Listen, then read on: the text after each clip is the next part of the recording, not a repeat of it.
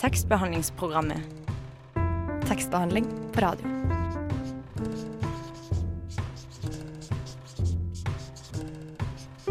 Tekstbehandlingsprogrammet.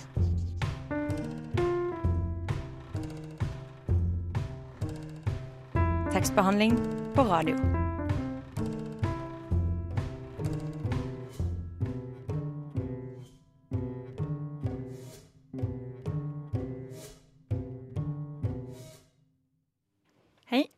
Velkommen til tekstbehandlingsprogrammet her på Radio Nova.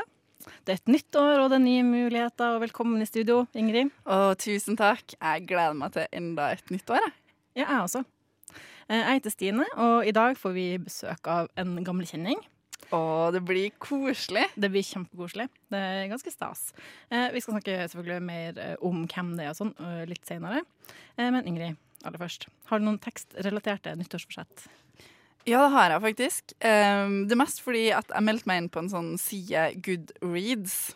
eh, som sikkert de fleste har hørt om før. Jeg føler at det er litt sånn 2015-greie. Men um, jeg snakka med en kompis, og så bestemte vi oss for at ok, vi skal ha en liten sånn bokklubb og lese om samme bøkene. Og da sa han da må du melde deg på der, og så skal vi ha eh, Så kan vi lage en liste der. Men eh, Goodreads syns at jeg skulle ha et mål om hvor mange bøker em, jeg skulle lese i 2019. Ja, Hvor mange bøker skal du lese i 2019, Ingrid? Jeg var usikker, men jeg tenkte sånn to i måneden. Ja, det bør være overkommelig. Ja, Så det blir 24 bøker, da. Men har du starta? Jeg har lest to. Hvilke? Jeg har lest 'Dyrene i Afrika' og eh, boka til den forfatteren som kommer i dag. Mm, spennende. Vil du se hvem det er? Det er vår kjære, kjære Sofus, som har gitt ut bok, og det er og blitt forfatter, og det er jo så artig.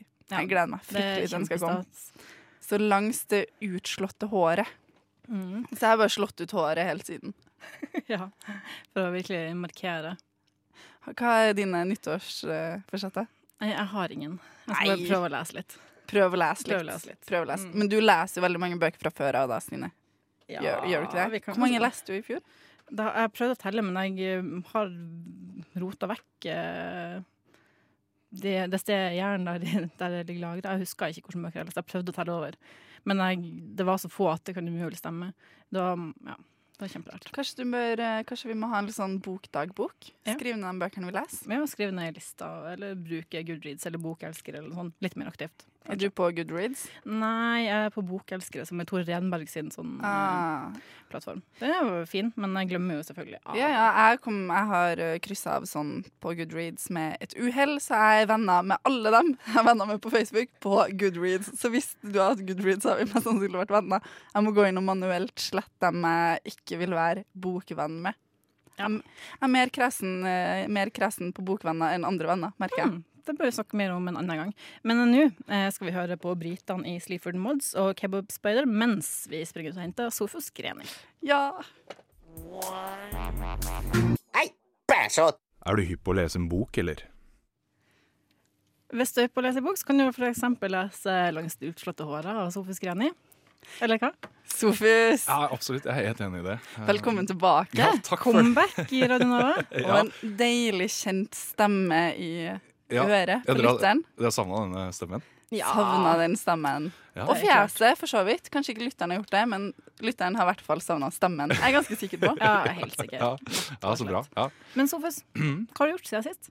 Uh, nei, siden sist jeg var her, tenker du Ja, på, det, ja, på radioen? det er ja. ikke så lenge siden, egentlig. Uh, nei, uh, du, da har jeg jo Altså, mitt alibi, da, i hvert fall, er jo at jeg driver jo nå og ferdigstiller en master da, i litteraturvitenskap da, som skal inn i mai. Så det er jo det jeg egentlig har brukt eh, mye tid på. Så har jeg også da kommet med en uh, liten bok. Sier du sånn Ja, beskjeden. som i bisetning. Det. Ja, på siden, ja. Ja. Så, som også var uh, mer jobb Eller altså Ja, det ble mer jobb i ferdigstille boka enn det jeg trodde det skulle være. Ja, Ja. Hvordan da? Nei, altså, det er jo mm, Man skriver jo boka, og da sitter man for seg selv, ikke sant. Så, så, Ja, for du hadde jo kommet ganske langt egentlig da du slutta her. Ja, når jeg slutta her i tekstbehandlingsprogrammet, så, så var jeg vel egentlig mer eller mindre ferdig med den boka, tenkte jeg selv. Men så er det jo uh, mye sånn redaksjon... Eller det er ikke mye redaksjonelt arbeid, men ting tar litt tid. Sånn som korrektur, og så er det fram og tilbake, og så er det omslagsmøter, markedsmøter, altså sånne ting som tar litt tid. da. Eh, apropos korrektur. Da jeg skulle hente eh, lesereksemplar av boka di, Sofus, Ja. så sto jeg inn på Cappelen der, ved siden av den der eh, Hva det heter Halvbroren eh, Ja, på den kafeen der, ja. Ja, ved den Mhm. kafeen der sto jeg i skranken og sa jeg skal hente lesereksemplar eh, av boka til Sofus Greni. Mm. Og så fikk jeg en konvolutt. Sånn A Litt større enn A4-konvolutt. Ja vel. Eh, og så tenkte jeg å gud, har jeg fått den på PDF? Herregud, så kjipt av meg. ja, Fordi det- jeg har lyst ja. på ekte bok. Ja. Så tenkte jeg ja ja, så fikk jeg den. da Sofus Greni sto etterpå. Jeg gikk ned på T-banen, åpne den her konvolutten. Og så fikk du min korrektur. Mm. Nei, gjorde du det? Mm. Ok, Så du har vært og henta Jeg har henta din korrektur, og det var jæskla lett. det, var, det var den som skulle til meg? Ja. Dette her har ikke du fortalt noe om? Nei. Nei, ok. I- Det, ja. Men Ingrid, hva gjorde du med den? Jeg tok Jeg dro tilbake. Og leverte den sånn. Og så um, Det her tror jeg ikke er helt riktig. Eh, Jeg trodde jeg skulle hente lesereksemplar av boka, trodde jeg, men her er det en del notater og noe greier, og så spurte de er du korrekturleser. Og så ble jeg litt sånn Jeg syntes det var litt kult. Jeg tenkte sånn, Ja, Kanskje jeg så litt korrekturleser ut. Du kunne jo ha vært det, sant? Jeg håper det. Eh, nei, svarer jeg, og de var sånn «Åh», Og så tok de tilbake igjen, da. Ja, oi, shit. Det er ingen, som- ingen på Cappelen som har fortalt meg Det det. er jo at vi har stygt, da hatt sa en, jeg korrektur studentradio, på men avveie. det er vel uh, damen i skranken, og jeg tviler på at hun har fortalt det til noen jo andre. svikt i hun, er, hun rutinene. er veldig veldig hyggelig, hun altså. Så, Så jeg hun, får la jeg det så, Ja. da jeg gikk, så så jeg at hun tok frem en blank teiprull og teipa den igjen. Ja, det husker jeg faktisk. For når jeg var og henta den, så var den veldig godt uh, forseglet. Den var godt teipa. Da tenkte ikke jeg på at den har vært åpnet. Da tenkte jeg på at uh, den er forseglet slik, slik at den ikke skal kunne bli åpnet før jeg henter den. Jeg må si det var veldig veldig fristende å bare ta med seg den uh, og bare bla litt. Ja, altså, du, jeg hadde vært glad og satt pris på om du hadde gjort det arbeidet for meg. Det hadde spart eh, en del tid. Ja, det, det, er jo altså, det verste med å gi ut en bok er jo nettopp det sluttarbeidet med korrekturlesning. Å sitte og utføre disse kommandoene som man må gjøre for hånd. Eh, når man gir ut en bok, så skulle man tro at liksom, man får eh, korrekturleserens kommentarer i margen. Mm. Men det gjør du ikke. Eh, Du får det på papir, og så må du rette og da får du et skjema med korrekturkommandoer, som er et sånt eget tegnsystem. Og så må man sitte og krysse av der du er uenig, eller liksom godkjenne der du er enig, og skrive nye da, hvis du oppdager noe selv eller vil forandre på noe. Det er ganske- veldig ja. men, men du, er forfatterrollen Er den sånn som du trodde? Er det likt å være forfatter som du trodde? Det har eh, Nei, eh, du vil si nei, fordi jeg trodde jo liksom at eh, Da jeg satt da jeg satt For du har et ganske romantisk forhold til forfatterrollen. ja, ja, jeg har det. Før du ja. sier noe mer, så kanskje vi skal høre litt på Ok. Kanskje vi skal, kanskje vi skal Har høre du noe litt opptak? okay, vi Vi har et opptak av at du snakker om forfatterrollen, og det her er vel henta fra en sending der du nettopp har fortalt at Ibsen brukte å sitte i teaterkafeen med et speil, og så sier du et par ord om forfatterrollen etterpå, Ja som jeg gjerne vil at du skal høre på, og så kan vi høre om kanskje noe har endra seg. Ja, det er kjempebra. Ja, men da tenker jeg altså, men jeg får litt sånn inntrykk av liksom denne flanøren, ikke sant? forfatterrollen. Han bare går rundt i storbyen, han ser seg om, han tar inn, han sanser. Og så, plutselig, på kveldingen, eller kanskje i de tidlige morgentimer, så setter han seg ned, og så skriver han en setning, og den er helt fantastisk. Hvis han ikke da blir skadet, da. Ja. Det var veldig rart. Bli skadet? Det var en sånn mystisk avslutning på det. Ja, men uh, jeg har et klipp vi, det, er et, det er et lite hint om et annet klipp som uh, kommer etter hvert, av også du som sier et eller annet. Men uh, hva tenker du nå? Hva er dine Um, umiddelbare tanker? Ja, ja, altså, jeg tenker jo eh, Altså, det utsagnet her speiler kanskje liksom eh, min rolle som leser eh, mer enn eh, som, som skriver selv. Eh, her ser jeg for meg liksom eh, Ja, Ibsen, på Teaterkafeen. Altså det litt sånn dekadente samfunnet i Oslo, eller i Paris, da, som mange av mine yndlingsforfattere kommer Eller har vært på et eller annet tidspunkt. Eh, men, eh, men som ung student i Oslo som gir ut bok, eh, så er det, det er lite teaterkafé, for å si det sånn. Det er jo fortsatt studentbudsjett og billig pils på en eller annen lokal bar og Ja. Hvordan bar? Helst. Du, ja, OK. Jeg vet ikke om dere har fått med dere dette. Fordi Det tok litt lang tid før jeg fikk med det. men det er en bar som ligger rett ovenfor Maemo, og det høres jo litt fint ut. men den heter Mastermind. Ok. Aldri hørt om. Det høres ut som et spill. Ah, det er helt genialt. Eh, Eh, Mastermind er et spill. Ja, ja, og det er et sånt spillsted også, hvor du kan låne masse brettspill. Men man Ah. trenger ikke å gjøre det. og Det er ikke så mange som gjør det, men de har da altså en halvliter som koster 43 kroner. Oi. Ja, 43 kroner i Skandaløst. Oslo. Ja, Det er skandaløst, og det er helt Men nydelig. er det sånn sted der folk drikker fra ni til tolv Ja. til Jeg har inntrykk av at det er ganske godt sånn Er det. Stargate? Ja, det er vel ikke Stargate, eh, men det er ganske godt trøkk der hele tiden. Og så tror jeg at det er et litt sånn et Tinder-sted. Altså sånn der, Når du skal dra på dates, så tar du med deg eh, da folk dit for å spare litt penger. Ja, ja. Men det høres jo ganske utrolig ut med 43 kroner. Og apropos det, så skal vi høre en låt som heter 'Kanskje jeg lyver' av Skalla. Jeg har egentlig sagt det, men jeg kan si det en gang til. Radio Nova. DAB og nettradio. på radionova.no. Jeg har egentlig sagt det, men jeg kan si det en gang til. Radio Nova. Og der var vi tilbake. Vi hadde hørt eh, Skalla med 'Kanskje jeg lyver'. Eh, Vi har fortsatt besøk av Sofus Greni, tidligere redaksjonsmedlem her i Tekstbehandlingsprogrammet. Ja visst. ja visst. Ja, og du er her for å snakke om eh, romanen din, Ja, ut 'Langst utslått året'. Jeg håper at det blir litt prat om det òg. Ja, I korte trekk, hva er det boka handler om? Og i korte trekk Mm. Um, Nei, altså eh, Tenk jeg må presisere det. Ja, ja, nei, altså det er jo en uh, roman uh, som omhandler uh, Ja, jeg vil si sånn kort og godt da, at det handler om sjalusi. Handler om en ung jente i Oslo som heter Nora. Mm. Jeg, Ja. hold, jeg holder det så kort, jeg, altså. Ja, ja, det er jo litt sånn forelskelse og kjærlighetssorg Ja, er- og ja. litt sånn ja. ja, definitivt. Det er en kjærlighetsroman, ja. vonde greier også. Eller altså, kjærligheten er kanskje eh, litt stygg, på en måte. Ja. det, er liksom ja. ikke noe rosenrødt og lykkelig og Nei, absolutt ikke. Det var jo det som var interessant, eh, eller derfor jeg ville skrive om, om sjalusi, som jeg syns var en, en Altså en sånn paradoksal følelse på mange måter. Fordi om, man er om man er forelsket, eh, så opplever man jo fort sjalusi. Eh, Men samtidig så er jo sjalusien da til syvende og sist en veldig sånn nedrig og egoistisk følelse som på en eller annen måte egentlig ikke har så mye med forelskelsen å gjøre, men som handler om din egen frykt for f.eks. tap, eller at noe skal forsvinne. At på en måte det Altså all den blomstrende ekstasen som en, en genuin forelskelse fører med seg, den er jo kaotisk, nesten litt psykotisk.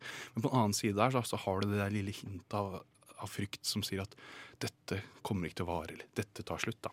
Det er jo en slags sånn eiersyke, på et vis. Ja, ja, veldig. Det er en kontrollerende følelse. Altså man, man, og det tror jeg handler litt om forelskelsens karakter, som er så voldsom at man på en eller annen måte søker om Fordi, fordi man blir så følelsesmessig sår, da. Og tilknyttet så ønsker altså Sjalusien er den farlige følelsen som kommer bakom der, som ønsker da å holde dette under kontroll. Holde fast og styre da dette andre mennesket, som er et helt håpløst prosjekt. Tror du kjærlighet uten sjalusi er mulig? Um, Eller forelskelse? jeg, jeg, tror ikke, jeg tror ikke det. Jeg tror sjalusi opptrer eh, Men jeg tror sjalusi har mange former. Ja. Så eh, hos meg så er vel kanskje sjalusi en sånn sekkebetegnelse både på en sånn kontrollerende litt sånn galskapsfølelse, men også en sånn frykt for å bli forlatt. da. Ja, Det er jo to ganske ulike ting, selv om det også kan Veldig. henge sammen. og sånn. Eh, Men jeg har nettopp sett en serie på Netflix som heter You. Eh, og der er, Det handler om en fyr som liksom stalker eh, crushet sitt. Og jeg kom til å tenke litt på det. Det er jo i den boka delt i to deler.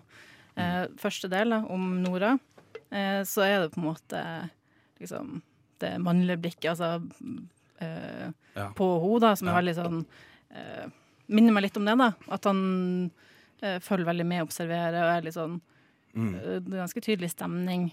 ja. og det er jo Liksom ikke så god alltid. Mm. og det er jo veldig tydelig også på at vi får jo aldri hørt den Man får jo ikke et jeg i starten, men du Fordi det handler jo om hun Nora, men Mm. man merker jo at det er en person bak. Mm, mm. Det er jo en Ja, Et blikk, da. et tydelig ja. blikk. eh, Ja, det var et helt veldig, et veldig bevisst valg. Når jeg først prøvde å skrive denne boken, eh, så slet jeg med at da skrev jeg fra, en jeg, eh, fra et førstepersonsperspektiv, og så slet jeg med at eh, de følelsene og beskrivelsene var så veldig knyttet til det subjektet. Og det slet jeg litt med å finne en sånn forløsning på, fordi jeg ville ikke at det skulle handle om det. Altså jeg ville at, at den beskrivelsen av Nora, da, som på en måte, av denne kvinnelige hovedpersonen, det var det det handlet om. Men jeg fant ikke en måte å på en måte nærme meg eh, og kunne liksom ta tak i henne utenifra før jeg leste en annen roman som heter 'Sjalusi' av Alain Robb-Grillet. fransk forfatter. Og det er også der tittelen er fra, som er åpningen på et av hans kapitler i den boka, som heter da 'Langst utslåtte håret Ah. glir børsten'. da. Sånn er åpningen på det kapitlet. Og det han har gjort da så mesterlig, eh, er at han skriver som om det skulle vært et førstepersonsperspektiv, men han fjerner utsigelsespunktet. Altså han fjerner jeget. Mm. Og det var veldig veldig virkningsfullt i den boka, og, og jeg rett og slett stjal det. Jeg tenkte at dette, Det løste hele mitt problem på mange måter, for jeg kunne ta ut utsiktspunktet og legge det i en slags tredjepersonsforteller, men hvor man umiddelbart skjønner at dette er jo ikke en nøytral, nøktern tredjepersonsforteller. er, blikket er jo fortsatt veldig ladet. Beskrivelsen er veldig betinget akkurat den som ser, da, uten at vi får helt sånn konkret svar på hvem det er da i del én. Mm, For det er litt annerledes fra andre ting jeg har lest, fordi er vant til at eh, når det er et jeg, så er jeg vant til at fortelleren ikke er pålitelig, at jeg ikke helt tror på jeg vet at det er Mm. subjektivt. Mm. ikke sant? Men med en gang det jeg er tatt bort, så blir det litt interessant, for at jeg eh, tror på en måte går inn med en innstilling om at det er mer eh, objektivt. Ja.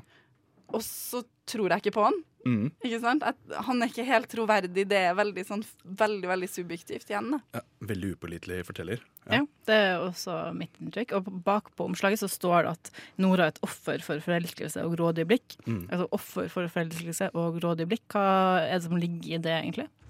Nei, eh, akkurat den baksideteksten, eh, eller akkurat den setningen, er jo for å liksom, eh, betegne nettopp eh, det fortellerperspektivet. Hvor, eh, hvor på en måte fortelleren på én side er veldig hengiven og forelsket. Ikke sant? Hvor han ser alle disse uh, gode egenskapene ved Nora. Men på samtidig så er det noe veldig sånn skummelt og ubehagelig med hvordan og hvor um, uh, obsessed, som man sier Ja, på det er derfor jeg fikk sånne ja. stalker For det er veldig detaljerte beskrivelser. Veldig, ikke sant? Det er jo manisk på veldig mange måter. Mm. ikke sant? Det er en slags galskap i den fortelleren. Da. Og det er på en måte kanskje Det jeg likte godt når jeg begynte å skrive i det perspektivet, var at det fikk fram på en måte sjalusiens altomfattenhet. Altså hvordan det rammer altså Det er ikke noe plass til noe annet lenger enn bare å se på Nora, hva hun gjør ikke sant? i sin hverdagslighet. Og drive og fantasere når hun ikke er der. ikke sant? Altså Den, den er ukontrollerbar da, på mange måter, samtidig som tidvis er uh, da kjærlig og niven, men samtidig også er det noe voldelig og liksom foraktfullt ved det blikket av og til. Da, fordi det skal sies at Nora møter jo en kar som heter Øyvind, Ja, som, og ja, forlater jo da til slutt fortelleren for Øyvind. Da. ja. Ja. Eh, Da tenker jeg at det kanskje passer fint at du leser litt fra den første delen av boka nå, siden vi liksom har kommet i gang med å prate om den. Ja, det Ja, kan vi gjøre. gjør det. Mhm. Og du leser så fint, altså. Så Ja, takk. Ja, vi får se, da. Da, da leser jeg altså Presset er på deg. Ja, da starter jeg rett og slett på starten, da. En dag kommer hun hjem med et plaster på haken. Hun tar seg til ansiktet og forteller at det var moren som pekte på føflekken og tilbød seg å, få, å betale for å få den fjernet. Hun pakker de gule joggeskoene i treningsbagen. Hun skulket en forelesning og dro til en klinikk på Tjuvholmen. Det gikk raskt og var ikke vondt. En sprøyte med lokalbedøvelse, et snitt med skalpell og to små strips. Det var ikke noe å bekymre seg for. Såret ville leges. Hun slenger bagen over skulderen, blir stående på terskelen til utgangsdøren og skrelle en banan. Om du vil, sier hun, kan lage middag i dag. Høres ikke det bra ut? Hun smiler skeivt med en bit banan i kinnet. Døren smeller igjen, og det blir stille i leiligheten. Nora flytter ut på samme måte som hun kom, stillferdig og ubemerket. I skuffen minsker det med klær. Nips forsvinner. Ja, slike ting man ikke legger merke til før de er borte. Som hårnålene i vinduskarmen, en flaske lavendelsjampo på flisene i dusjen, en hvit halssokk bortgjemt bak sengebeinet, kun synlig fra kontorstolen. Hun rydder seg selv ut av hybelen. Først da avslører gjenstandene sitt tomrom. Det var de som brant inne med og fylte rommet med nærvær. Takk skal du ha, Sofus. Det var veldig fint. Nå skal vi høre den første av to sangene som du har valgt i dag. Eh, hva slags sang er det? Det er Benjamin Clementine. Ja, Eh, hva vil du si om den? Hvorfor har du valgt den sangen? ah, Benjamin Clementine er jo en av mine store helter om dagen. Um, uh, og det artet seg slik at da jeg uh, dro opp til en liksom, ensom hytte i Nord-Norge for å skrive denne boka her, uh, så var det ikke internettdekning ved foten av fjellet hvor den hytta lå. Selvfølgelig ikke. Nei, men jeg hadde ett album nedlastet på Spotify, og det var det første debutalbumet til Benjamin Clementine. Der var vi tilbake på lufta. Tekstbehandlingsprogrammet helt på Radio Nova. Stine og Ingrid har besøk av Sofus Greni. Vår Tidligere- kjære Sofus. Ja, Ja. ja, fortsatt her. Som gjør comeback i tekstbehandlingsprogrammet, men Ja. denne gangen med bok under armen. Ja. Ja, det er litt annen rolle. ja, jeg sitter på andre siden av bordet Ja. nå. Hvordan Ja. føles det? Eh, Det føles jo eh, For først er det jo bare innmari hyggelig å være tilbake her. Det er godt å høre. Ja, altså Når jeg sitter sammen med dere som jeg på en måte har jobba med redaksjonelt eh, for en god stund siden, så jeg vet ikke, jeg føles ikke, jeg føles ikke så liksom, intervjuete utaktig i utgangspunktet. Det føles jo mer at vi som sitter her og jazzer litt om litteratur. Ja. Vi gjør jo det. Gjør Vi vi var jo der om å kjøpe med noen ting på butikken og litt sånne her ting. Ja. Det vi, gjør vi oftest Jeg måtte, ikke måtte kjøpe litt øl, ja. ja. Det er klart det. Ja. Og vi kan ikke si det, kanskje? Jo da. Jo, jeg kan si det- det. Jeg er ikke her lenger. Ja. Du kan helle øl i miksebordet uten at Nei, ja. tuller bare. Men Sofus, Ja. eh, kanskje du egentlig bare starta nå med å lese litt fra del to av boka? Jo, Nå det kan jeg... om fortelleren og ikke om Nora. På samme Ja. måte. Ja, det kan jeg gjøre. Da leser jeg bare et kort avsnitt, jeg, hvis, jeg, hvis det er greit for dere. Supert. Bare rense halsen litt. De åpne rommene. Vinden stryker fra havet og over tangen. Den blomstrede ugressåkeren. Over stikkelsbærsbuskene, tulipanene. Gjennom de åpne vinduene. Og med et varsomt dytt vekkes ettermiddagen. Jeg sitter i en lenestol og gløtter mot eika på skyggesiden. Tauverket som henger fra greinene, binder om en planke. Nora dytter husken forsiktig. Jenta klamrer seg fast og hyler. Krøllene og fregnene. Hun er så lik Nora. De ovale og mørke, nesten grå øynene. Hun er så lik meg. Ja, og her er det jo ja, Først og fremst takk. Det glemte å si. Takk, Sopus, for at du leste. Det Ja, var er veldig bare hyggelig. Ja, Eh, men dette er jo fra det vi kaller liksom del to av boka. Ja, der det er- et jeg. Eh, ja da trer jeg inn, ja. ja. Mm. Eh, hva er greia med det? Eh, at jeg kommer eh, Ja, inn. At boka er delt på den måten? Ja, det er jo på en måte del én som på en måte er slutten Eller kanskje skildrer da slutten av et forhold. Og så er det del to hvor jeget trer inn, hvor fortelleren for første gang uttaler Altså er sitt eget subjekt, da. Er jeg. Dette er jeget. Eh, og som handler mer om den tiden eh, etter da et brudd, da.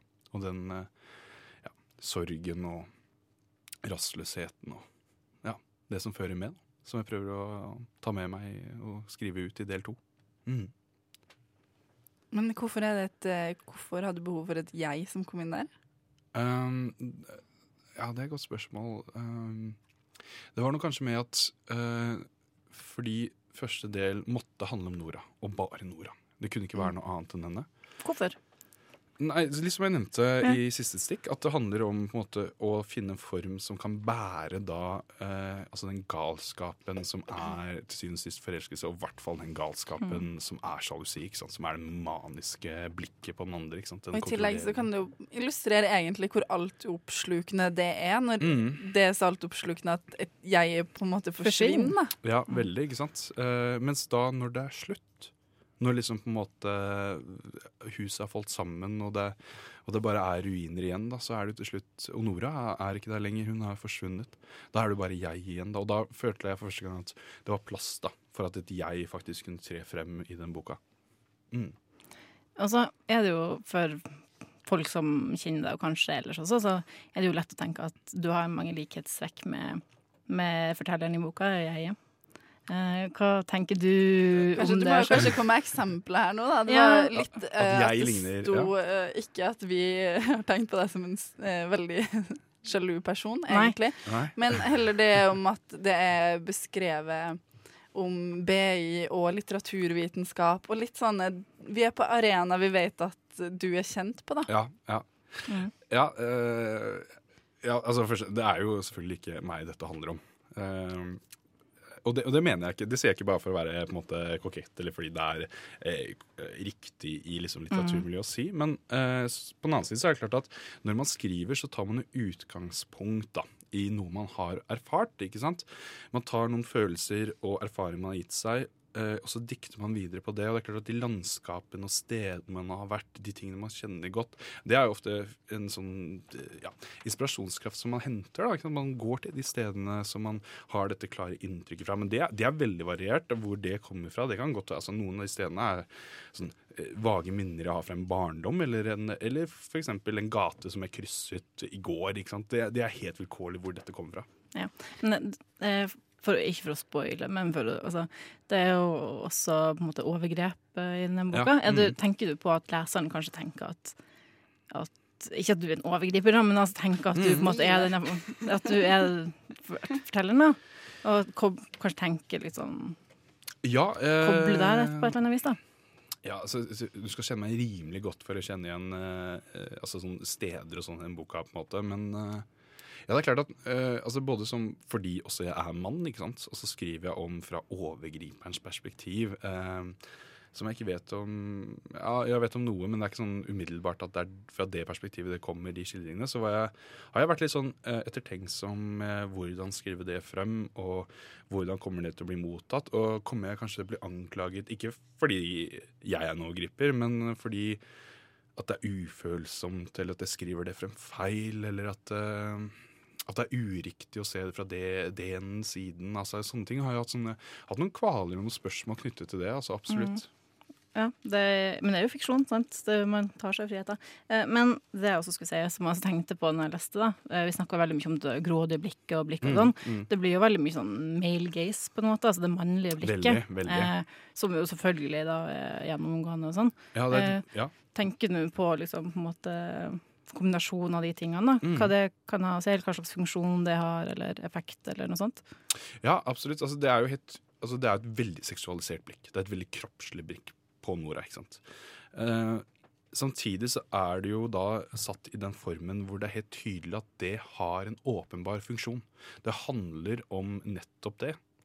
Så jeg har ikke vært så bekymra for på en måte at det skal komme en sånn kommentar i Morgenbladet om at uh, Sofus Greni ja, han er en jævla sjåvinist. Uh, fordi det er ikke noe, det er ikke noe glorifisert uh, blikk av kvinnen i den måten. Snarere så er det jo en veldig uh, Håper jeg, da. eh, At det er en veldig ubehagelig avsløring av altså en sånn gal, sjalu manns type eh, tankegang og refleksjoner, da. Ja, for, for blikket sier jo ikke bare noe om Nora, det sier jo også ekstremt mye om den som har det blikket. Ja, nesten jeg tenker- mest, Ja, det er det også jeg har tenkt For det, set, det setter jo Ja. stemninga. Jeg syns jo det er ganske sånn kjølig. Eh, Ja. Ganske eh, litt dårlig stemning, lav temperatur. Du, Ja. eh, selv om det er veldig nært på alle beskrivende hos, så blir det også en sånn avstand, mm. Mm. syns jeg. Som, Men den tingen jeg kjente, jeg kjente igjen i Sofus, var en beskrivelse der det sto at en venn hadde eh, sett eh, En venn forteller om en sånn historie om en foreleser Professor. En professor Ja, ja. som eh, da blir påkjørt samtidig som en leser Prost. Og da kan vi bare høre på det. Og det minnet meg akkurat på om at eh, Apropos det å bevege seg utenfor som skribent. Altså en teoretiker som jeg har jobba mye med i høst eh, i mitt eh, akademiske fagfelt, er eh, den franske teoretikeren, eh, eller tenkeren, Roland Barth. Eh, og han faktisk, han døde eh, ja, på vei eh, fra en forelesning til nærmeste aviskiosk eh, for å kjøpe tobakk. I hvert fall Sånn er det jeg oppfattet det. Eh, og eh, I liksom legenden så sier det sånn går og leser på sporet av Den tapte tid av Marcel Proust.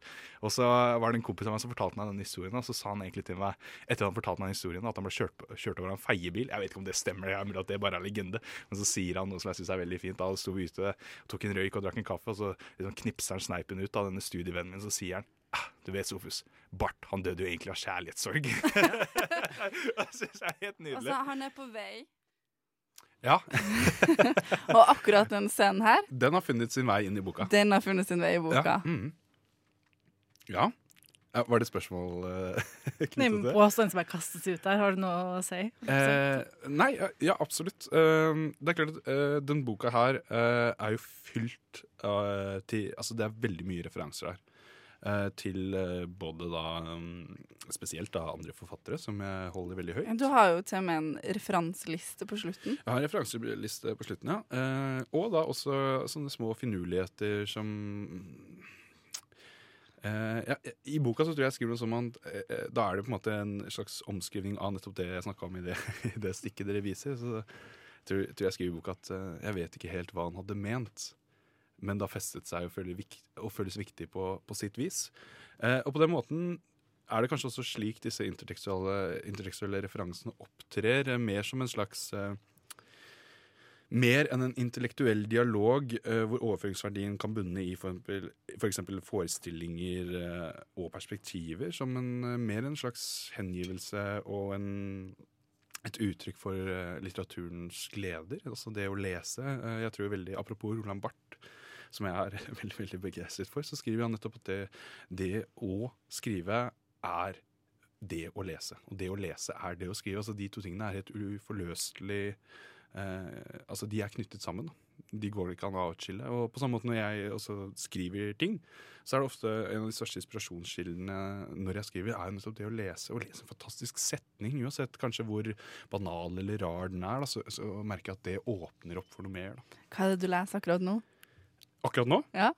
Akkurat nå så leser jeg eh, en norsk forfatter som heter Stig eh, Aasvik. OK. Ja, eh, 'Ordføreren i Oslo' heter den boka. Eh, veldig, veldig fin eh, bok. Eh, veldig dyktig forfatter. Jeg hadde ikke hørt om han før sånn nå nylig. Men, Nei, jeg kjenner ikke navnet sjøl. nei, skriver godt. Jeg anbefaler deg. Jeg tror den første, det er en sånn triologi. Den første boka heter 'Lofotveggen', eh, også, også er veldig, veldig fin. Eh, så det anbefaler jeg å ta en titt på. altså. Ja. Og apropos dine anbefalinger, så skal vi høre på en sang du har valgt, eh, Sofus. Mm. Eh, jeg har ikke sjans i havet til å uttale tittelen. Eh, kan du Eh, prøve? eh, Husker du det? Nei, eh, Clio og, Ja. tror, Det er på fransk, men jeg tror det ville oversettes til norsk som noe som De unge syklistene. Men da holder vi oss til det, da. Nå får du høre Clio med De unge syklistene. Er du hypp på å lese en bok, eller? Ja, sant, Jeg kan jo lese langs utslåtte håret av Ja, Sofus ja. Som da var stemmen i jinglen her. da. Er du hypp på å lese en bok, eller? Ja. Les, å, kan ikke fullføre med tittelen, altså. Er du hypp på å lese Nei, uff, nei, jeg orker ikke. Jeg orker ikke, jeg orker ikke å være han fyr som sitter og sier bare langs over. Nei, uff a meg. Ja, Ja. Fikk deg til å gjøre det likevel. ja, du gjorde det. Ja, ja. Ja. eh, Vi setter altså og prater om uh, debutromanen din, eh, Sofus. Ja. Eh, Ingrid? Ja, Sofus. Mhm. Min gamle venn. Hold deg- hold deg fast. gamle ørn. Nå kommer det. ørn, Ja. Nei. Men vi har jo allerede snakka litt om den avstanden og den sånn kjølige temperaturen i romanen din. Mm. Og en ting jeg beit meg merke i, Mm. er at kanskje særlig i starten så er det et ganske passivt språk. Ja. Det er mm, kopper som Eller asjetter dekkes på, smoothien lages. Mm. Det er akkurat som alt bare skjer, da. Ja. Eh, Det virker nesten som om det er jeg eller dem er litt um, Det er akkurat som de er offer, særlig kanskje den eh, Ja. Det blikket da er offer Ja. for sin egen skjebne, Ja. på et rart vis. Ja. Gir det mening? Ja, kanskje det. Ja. Jeg kan tenke meg at øhm, i det Altså, det som har på en måte vært litt sånn rart å, å jobbe med denne boka her, er jo nettopp det at fordi jeg prøver å tenke som om det er en, Eller fordi jeg mener det er en person der ikke sant, til stede. Så som for eksempel sånn der, ting dekkes på, og alt blir sånn passivt og sånn. Så er det, sånn der, det er tre folk som skildres i den scenen, den scenen du nevner der, men så er det, det dekkes på til fire, for eksempel. Ikke sant? Så, øh, så det er bare sånne små detaljer hele tiden som er der, men som er ganske vanskelig kanskje å spotte når man leser det litt sånn raskt. For, altså Hvis man leser det litt raskt, så er det liksom man skal få med seg akkurat det. At liksom den som forteller, faktisk er i dette rommet. Den er der. ikke sant? Og Det prøver jeg liksom å understreke litt ved at for eksempel Nora stiller spørsmål som hun ikke får svar på. ikke sant? Så Det er en grunn til at hun ikke får svar på det, for hun stiller det jo da faktisk til fortelleren. Ja, og fortelleren svarer ikke, men kanskje Nora gir et svar på det svaret igjen. Mm, mm, mm. Og da skjønner man litt sånn hva som fortelleren har sagt, på et ja, vis. da. ja, absolutt. Ja. Så jeg vet ikke om det svarte på det du tenkte med sånn skjebnes... eh, Ja, eller det nå, men, eh, ting på en måte bare ruller og går. Det er akkurat som hverdagslige ting bare skjer uten at eh, det blikket har noe kontroll over det. Mm, mm.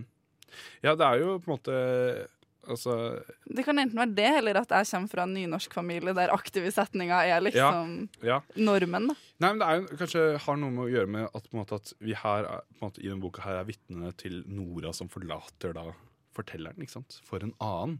Og det har han ikke noe kontroll Eller det har ikke fortelleren noen kontroll over, da. Som vi kan kalle en han. Det, er jo, det er jo en han, fordi han opptrer som et jeg og som en mann i del to. Eh, og dermed så Skildringene blir jo bare utfoldet eh, i samsvar med hva Nora gjør. Hva Nora håndterer uten noen større refleksjoner rundt det. ikke sant? Han er jo bare vitne til å bli forlatt på mange måter. Og det er ikke noe han kan kontrollere. Det er ikke noe aktivitet der. Det er veldig passivt. Han er jo en tilskuer. En beskuer på veldig mange måter. Men han møter jo en annen kvinne etter hvert. Hvem er det? Eh, ja, i boka? I del to? Ja, eller jente, kan Jente, altså, er kanskje? Ting? Kvinne? Ja, Jente? ja, han møter jo da en eh, Ja, uh, ja han gjør det. Ja. ja. Rett og slett. Men uh, før vi før går videre inn på det, så snakka vi under sangen litt om at det er litt sånn leken i formen og sånn. Eh, Mm. på side 35 Ja. eh, så vil jeg også si at det er litt leken. Det er kanskje som du bryter den, liksom, den fjerde veggen, eller hva det nå Mm, kaller mm. Så kunne kanskje fort leta opp den sida. Ja, jeg skal vi se, da var vi på side 35. eh, Yes. Så tid, tidlig i eh, verkets utfoldelse. Det er en kort bok, da, for så vidt. Verkets utfoldelse. Så er det hvis du går litteraturvitenskap, så får du Så sånne det. Ja, første tredjedel, så er det Hun rister av sinne. Hun skriker. Laptopen har blitt stående på skrivebordet. På skjermen står en nyskreven side. Den er ikke lagret og lukket, noe den ellers alltid er. Hun skulle bare sjekke noe på datamaskinen. Nei, nei, skriker hun. Du lot den stå igjen. Du ville at jeg skulle lese. Det er bare en historie. Nei, skriker hun. Det er ikke det. Det er meg du skriver om. Det er jo mitt navn. Hun strever frem og tilbake og stanser, slenger seg ned i kontorstolen og ler hånlig. Du er så jævlig barnslig. Hun ler av de intetsigende skildringene, hvor pinlig sentimentalt det er, hvor pinlig bruken av fremmedord er. Hun leser med en mørk stemme og drar ut ordene. Hun vil at det skal være vondt. Og så jævlig feig du er, sier hun og klapper datamaskinen sammen. Så jævlig feig du er. Måten du utlater deg selv på. Jeg føler jo at det er litt sånn meta.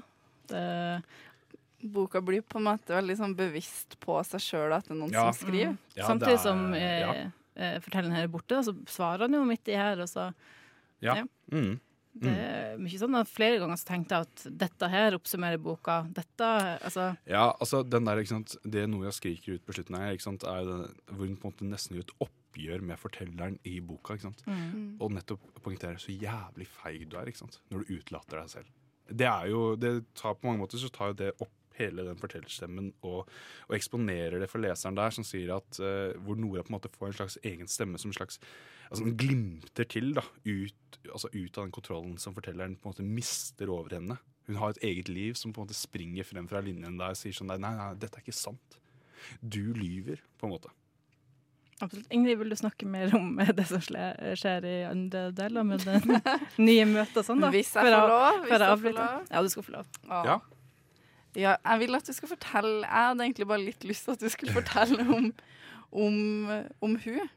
For han møter jo hun litt sånn Det virker som han møter hun litt kjapt etterpå, så blir det en eller annen Ja, sånn Helle, ja. Ja, men helle. Mm. jeg har, hvis jeg får skyte inn her, da, så, Ja. så føler jeg også at hun er litt yngre. At det på en måte Mhm. er litt sånn Det er litt, Det- uba det er litt ubehagelig der Ja, ikke sant? At det er kommer, litt jeg ubehagelig. synes det kommer et annet ubehag da, som ikke handler om dette, Mm. den her sjalusien og det her. Mm. Det dette, men her Oi, hun var ung.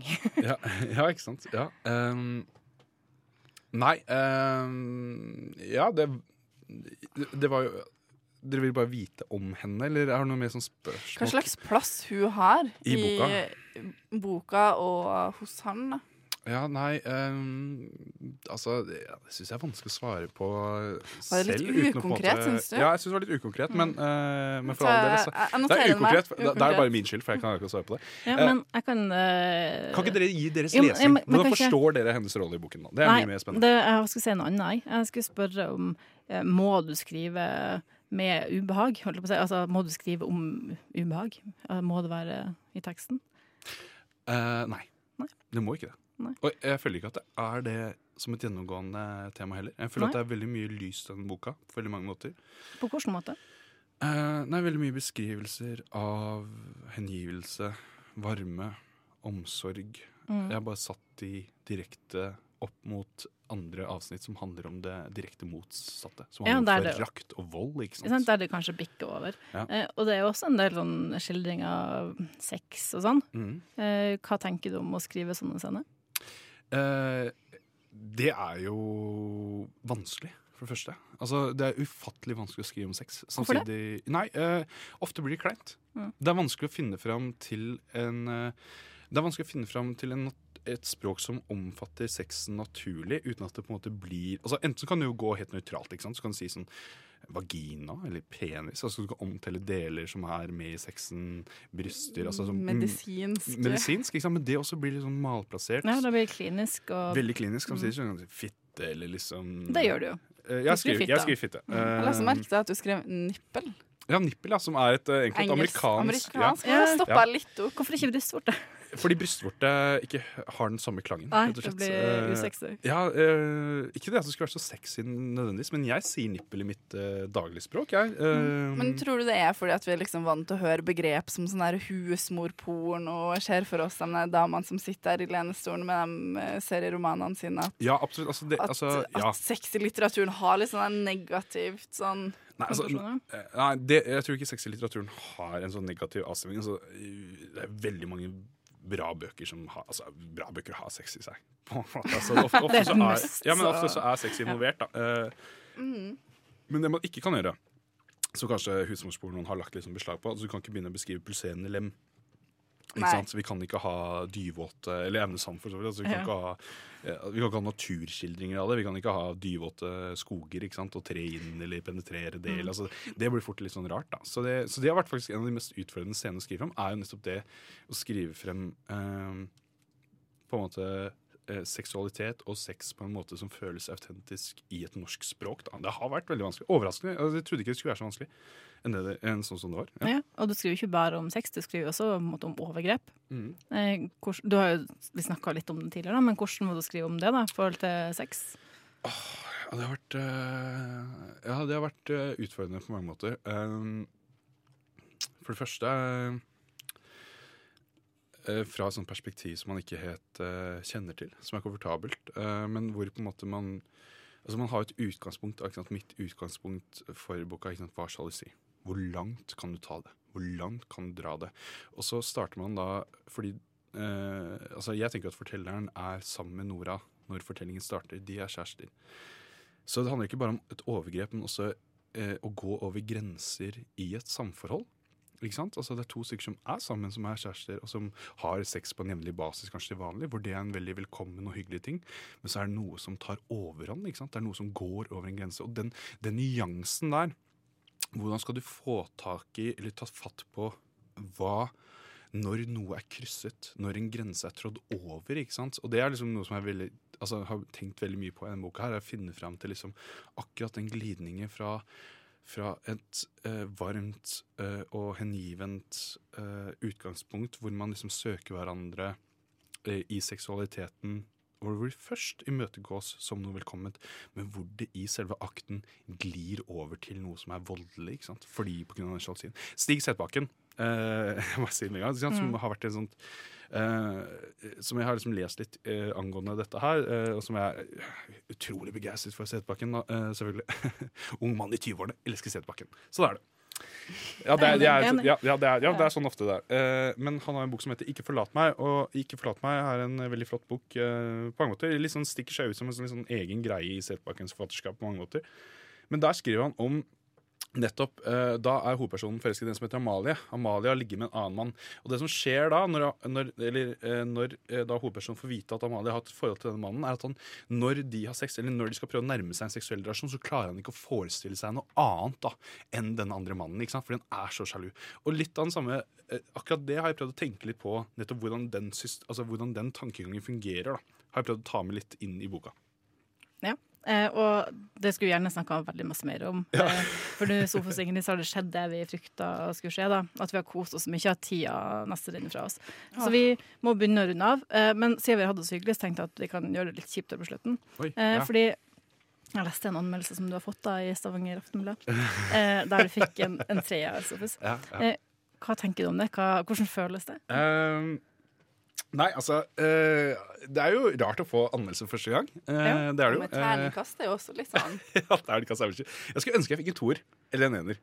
For det hadde gjort det litt mer sånn polarisert. Eh, en, eh, jeg mener at du skriver kanskje det skulle vært en toer også. Eh, en utilgjengelig debut var vel egentlig Det var overskriften. Overskri over, over, ja, overskriften. Det er ikke det verste man kan få, tenker jeg. Kleint, kjedelig, Det var, jo, det var jo ikke klisjéfylt, eh, slakt, da. Det var jo ikke det. Men, Nei, eh, eh, nei, men uh, Ja, nei, altså Sånn er det jo. Uh, og alle har rett på sin mening. Og det er jo bare velkomment i utgangspunktet at folk leser og skriver om bøker. Men mener du det her på ekte? Eh, ja, jeg gjør det, altså. skal ikke ta en sånn Tore Renberg og skjelle ut. Nei, men så skal det sies, så skal det sies at Skal være helt ærlig her, så i desember, før jeg ga ut boka, så skrev jeg et essay om Fredrik Svindland. En forfatter som jeg er veldig begeistret for. Og da tok jeg Som vi har intervjua her. ja, som dere har intervjuet her. Uh, hvor jeg tok utgangspunkt i hvordan hans bøkene, har blitt, eh, bøkene hans har blitt mottatt. Og går liksom, bruker den mottagelsen til uh, å diskutere da eh, hvor, altså, hvor, altså Ha litt, sånn- litt sånn sparringspartnere da, i hvordan, når jeg skrev det essayet. Og da bruker jeg faktisk den samme anmelderen som også var veldig krass mot Svindland. da, Som jeg forguder. Og jeg snakker litt om hvordan hun leser boka, og er uenig i mye av det hun sier der. Eh, så på samme måte så kanskje at ikke hun liker min bok, er kanskje Et ikke godt tegn. ja, eller, eh, nei, altså, det er hyggelig, bli, hyggelig at folk syns det er fint, altså, men, eh, men det sier kanskje om at vi er nok bare litt, vi har nok litt for, forskjellig forståelse av hva litteratur kan være. da. Tenk at det det må jo være fint, det. Man uh, forskjellig. Ja, Man skal være uenig, og man skal uh, stå i bresjen for det man digger og syns er fett. Ikke det er bare kult. Jeg likner Sofus. Ja. Jeg skulle ønske vi kunne prate i minst en time til. Ja, ja, takk. Eh, Men tida vår er dessverre ute, så Ja. da får vi si takk for oss. Eh, Du hører oss igjen samme sted og tid neste uke. Last oss ned, lik oss på Facebook og Instagram og sånn. Der finner du også bilder av Sofus. Eh, Oi. Hvis ikke, hvis ikke, Han er en kjekk da. mann, det er bare å gå Ikke inn og se. Nei, nei, nei. Du kan bruke det kvinnelige eller mannlige blikket til å, til å se på han. I studio i dag så er det meg, Stine Spjelkvik Hansen, Ingrid Serine Aas Hvitsten, og gjesten vår var Sofus Grønne. Eh, tekniker var som vanlig Joakim Foss Johansen. Tekstbehandlingsprogrammet.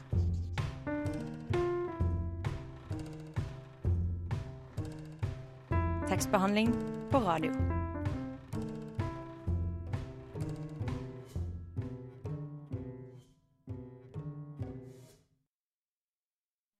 Jo, nå er jeg på. Så Da var vi- vi, var ferdige, vi har Ja. takka for oss. Ja. Vi setter fortsatt. På debrief. Mm. Jeg føler at vi er trenger en liten debrief. Sofus, hvordan, syns du det har vært å være her sånn egentlig? Du, jeg var overrasket at det skulle være så mye snakk om på en måte, det kvinnelige blikket og maskulinitet og feminitet. Ah, ja. og Syns du det var ubehagelig? Veldig. ja, ja. Syns du det? Ja, men altså, Jeg er ikke vant til å sitte og snakke Ah, ja. om eh, altså, Skal jeg sitte og bli med seksuelle overgrep? Blablabla. Jo, jo, men det, man, vi må jo på en måte Vi kan ikke ikke snakke om det, syns du det? nei, vi kan ikke det. Men var det ekkelt fordi at eh, det var oss? Nei, det, var, det tror jeg det gjorde det mye lettere. Det har vært hakket verre å sitte her på P2. Eh, og en av de der eh, NRK-reporterne Da tror jeg liksom har blitt mer nervøs. Nå er det jo Cash vi sitter og drikker øl. da Skal han skåle med mikrofonen? Ja. Skål med mikrofonen. er det skål? skål? deg? Nei, men, men, men hva syns du egentlig om spørsmålene? Syns du at uh, For du stiller alltid sånne veldig sånn litterære, Ja. dyptgående spørsmål. Nei, men det er gode, Jeg er litt mer sånn Ja, det er gode spørsmål. Det, altså, det som jeg synes er fint, er at liksom, dere har fått på en måte tak på at det skjer noe liksom, altså, Det er noe rart med den fortellerstemmen der. da, Mm. i delen, Og det syns jeg er kult at liksom, dere har fått med dere at liksom, det, det skjer noe her. Og det er mest sannsynlig er av en grunn, da, at liksom, det har en funksjon. Og det, mm. det var kult å høre liksom, at dere har fått med dere på en måte hva på en måte det symboliserer. og på en måte at Det er bra. Det er godt Ja. å høre. Det er betryggende. Men var det noe vi ikke spurte om, som du skulle ønske at vi spurte om? Uh, nei, men det jeg skulle ønske som jeg, som, altså, liksom, Likte dere boka? Ja. Altså, helt ærlig, altså, Var det en bra bok? Var det en dårlig bok? Altså, Hvor er vi igjen i verden? Ja, men jeg syns det var litt annerledes enn det, for jeg leste jo et utdrag eh, Mm, for en stund siden. Jeg syns det var litt annerledes, selv om jeg vet ikke om det var med sånn som det var da. Men jeg vet ikke, jeg kjent, jeg vet ikke, det var litt annerledes. Det var noe jeg ikke skjønte i boka. Ja, ok, hva da? Og det er gøy. Nå kommer det! Det. Nå kommer det. Men jeg tenkte sånn her, ok, jeg kan ikke Jeg tenkte å spørre om det på lufta, fordi jeg prøver å ikke være redd for å virke dum. Ja. Eh, fordi dum virker man ofte uansett. Ja. I hvert fall når man ikke prøver å virke Nei, dum. nei, men jeg får si altså. Eh. Nikk og smil, nikk og smil. Ja, men, Ja, men er jeg, ja, men min teori er i hvert fall at man virker dummere når man er redd for å virke dum. Ja. Men i hvert fall fordi Du må hjelpe meg, Stine, hvis jeg Ja. glemmer litt. Mm. Eh, fordi det er et sted midt i eh, boka, sånn mellom del én og to Er det med peisen og sånn? Eh, det er når det på en måte overgrepet blir gjort av han Øyvind.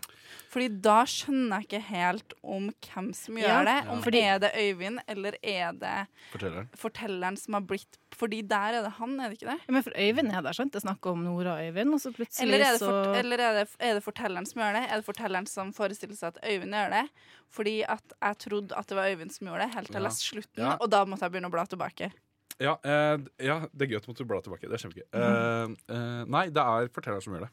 Det er det, ja, fordi Så hvis du er sånn Fordi eh, jeg hadde en samtale akkurat om det i avsnittet her med redaktøren min. Eh, fordi Er det- er det- er jeg dum, eller er det noe som folk ikke bruker å er, skjønne? Er fortelleren med på turen? Ja, for han var jo ikke det. Jo, eller er han det? Ja, Og, det og det som Jo, er fordi at i starten, Ja. før den turen, så forklarer hun på en måte Ellers er det det er akkurat som hun naturlig at hun som- med ja, skal det er naturlig at Øyvind er med, Ja, fordi at han er det? Ja. kompis av det. Men var det ikke bare fire? Men da Eller? kunne Jo, det Selvfølgelig, men det er alltid bare fire. Det er alltid bare tre. Det er Ja, men- aldri, aldri fem, fordi, Fordi- fortelleren er aldri Men det som er det, som, det det kunne ha vært, var at hun dro med noen venner og tenker at det ja. er naturlig at han Mm. skal Ja, for det var, det, det var sånn jeg leste det. Ja, ikke sant? Ja, det, er, det er jo interessant, det der, men hvis du leser da eh, Men jeg leste første gang på mobil, så det, Ja. da leser jeg ikke like Hvis du bra. ser på den delen i flyet hvor folk setter seg, og, hvor, og hvis, du, hvis du prøver å lokalisere hvor er det fortellerperspektivet er fra på den fly, altså når de sitter faktisk på Mm. flyet I, jo, det er 46, 47, Og jeg vet du hva, jeg tror det er akkurat her hun dama i Stavanger Aftenblad ble forvirra også. Ja, Fordi hun ja.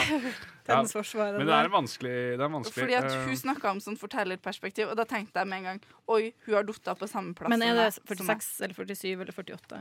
Det er helt nederst på side 46. Det er tre seter. Er, ja, les den. Hvilken? Det er tre seter i hver, i Det er tre seter i hver rad. Heidi og Nora vil sitte sammen og setter seg innerst mot vinduet. Frank Det her er jo en mattefortelling, hvis jeg skal følge med på. Skal Ja, det det. Frank. der? Havner ytterst mot midtgangen. På den andre, sid på den andre siden sitter Øyvind. Ja, da er de plutselig Da er de fire, sant? Mm. Skuldrene hans er svære og presser innover i setet ved siden av. Og Ja, for- hvordan kan man vite det? Men Om- hvordan kan man vite at hun er eller ikke er på kafé med Øyvind også? Ja, men les, Hvordan skal man vite ja, det er, for- det er forestillingen, men, men les hvordan han ser Nora videre etter han, han ligner et steinras. Eh, steinras. Det lyse håret. Han er jo veldig opptatt av håret hennes. Det er jo hår Ja, som men, holdes på bak, plass. men les, les hvor sånn. det kommer fra. Bak brystkassa kan jeg få et glimt av det lyse håret til Nora. Men er det da Kan Øyvind? en, ja. Fordi øh, Ja, kan en og er, det der, er det liksom? Ja, er det koden? Mm. Men så er det også det der, ikke sant? Hvis du leser før den overgrepsscenen skjer Som er da på side uh, Alle Kjære sover. lytter, bare følg Side med. 50 Side 51. det er, er det her sånn, er- det sånn, her sånn er redaksjons... Uh, du og redaktøren din, sitter dere sånn? Jeg prøvde dette første gang. Alle sover. I Ja. skjenken under hvordan sier vi, TV-en. hvordan ser, ser vi på nå? Uh, 51. 50? Jeg tror det var 40. Andre Fordi det hun dama i Stavanger Aftenblad skrev, Ja, hun skjønte ingenting. hun skjønte ingenting. Fordi hun skrev at det var først eh, At det skifta mellom jeg, Tredje. jeg, ha, tredje og så første. Mm. Men det tenkte jeg sånn Shit, men det, det kan jo ikke stemme. Nei, det stemmer jo ikke, det. Det kan jo ikke stemme. Det er feil òg, for Så det, synes skifter jo, det er aldri jeg her ikke sant, i del 1. Så det er Nei, feil hun gjør. nei, ikke sant. Eh, Men hun tror at i del én så er det jeg, Jeg, og tredje. tredje person Og jeg igjen. og jeg igjen. Men det er det jo aldri. Det er jo bare tre personer. Fordi at det jeg skjønte etter hvert Jeg var usikker da jeg leste. Er det Øyvind, eller er det eh, hovedpersonen som Ja. utfører det her overgrepet? Da var jeg usikker. Ja, men Da er det jeg som roter litt, da. Men en sånn god Og så leste jeg siste sida, så tenkte jeg det er veldig merkelig hvis det er Øyvind som utfører det Ja, overgrepet, men ja. det funker på en måte med en sånn Men, lesning også. men her, her kommer liksom min på en måte eh, rettferdiggjørelse av det, da. Som er rett for, hvis du leser rett Men før det overgrepet du kre, det krever kanskje en veldig konsentrert Ja, leser lese- å ja, få med ja, ja, de her tingene. ja, ja. Fordi um, sånn som tall det, det leser jeg ikke. Nei, Jeg leser ikke tall. men ikke tall heller, tenkte jeg på. Men, hvis du Men sånn, jeg sitter ikke og teller det der mattestykkene dine. Nei, men i helvete, da, Ingrid. Det er jo ikke snakk om mattestykker. Det er jo litteratur! Men La oss la oss ta det overgrepsscenen, da. Flyet hadde fire hør hør nå, hør nå, flysetter. Øyvind satt på en av dem. Ingrid, Nora. Ingrid, Ingrid, Ingrid. Alle sover. I skjenken under Alle sover. I skjenken under TV-en står en halv flaske gin. Ute på terrassen er det bekmørkt. Den blanke væsken helles i et kjøkkenglass. Tre store sluker bla, bla, ikke sant? Så går det eh, beskrivelse av en som drikker, da. Tre slurker. Alle sover, men det er en som drikker. Ikke sant? Da drikkes det. Det drikkes. Og så går det i gangen utenfor soverommene. Er det like stille. Døren til Øyvind står på gløtt. Han ligger på siden med hodet over armen og med spytt i munnviken. Han puster med åpen munn. Luft Oi, jeg må rape litt. Ok, Så er det beskrivelse av Øyvind her, ikke sant? Neste avsnitt. Døren inn til Nora åpner seg uten et knig. Så har jeg allerede egentlig etablert der at det er noen som sitter og drikker, noen som ser Øyvind som sover, og noen som åpner døra. Men, men Til husk, Nora. det er en ting du må huske, Sofus. Jeg tror ikke på han. Han er upålitelig. Han er upålitelig. Han er veldig Ja, ja, ja. Så det at jeg leser Jeg kan godt lese det der, men det betyr ikke det at jeg tenk, tror at det er sant. Det er rart at Øyvind ligger og sover i det andre rommet og så voldtar han Nora. Han kan jo våkne og så gå opp på Volta. Jo, men hvem er Har du som kjørt, sitter og, har du kjørt om søvnvoldtekt? ja, men hvem er det som sitter og drikker, da? Nei, Sofus, jeg Hvem er det som sitter og drikker?! Nei, men jeg skjønner. Det er, men det er vi som sitter og drikker, men det Sofus. er, men det er en, det er en innfløkt fortellerscene på veldig mange måter. Det er det. Ja. Og jeg burde kanskje vært lagt inn litt mer bevegelser der. Ja. ja. Eh, ikke for å avbryte når vi har det så hyggelig og Ja. skal ha debrief og sånn, men nå må vi ut, for noen som har leid studio nå. Ja, ja, det må vi. Ja, jeg må tisse opp. Takk, takk for oss. Du, takk for, takk for Ja, både besøk og debrief. Og misforstå meg rett, jeg likte boka veldig godt, men akkurat det der måtte jeg er, spørre om. nå Sinna! Sofus stormer ut. Nå orker ikke mer. Å. Sofus. Nei, nei, nei. Men det er, det er komplisert selv, scene, altså. Du er dum, sier han. Nei, men eh, det er artig. Det, Det var veldig hyggelig.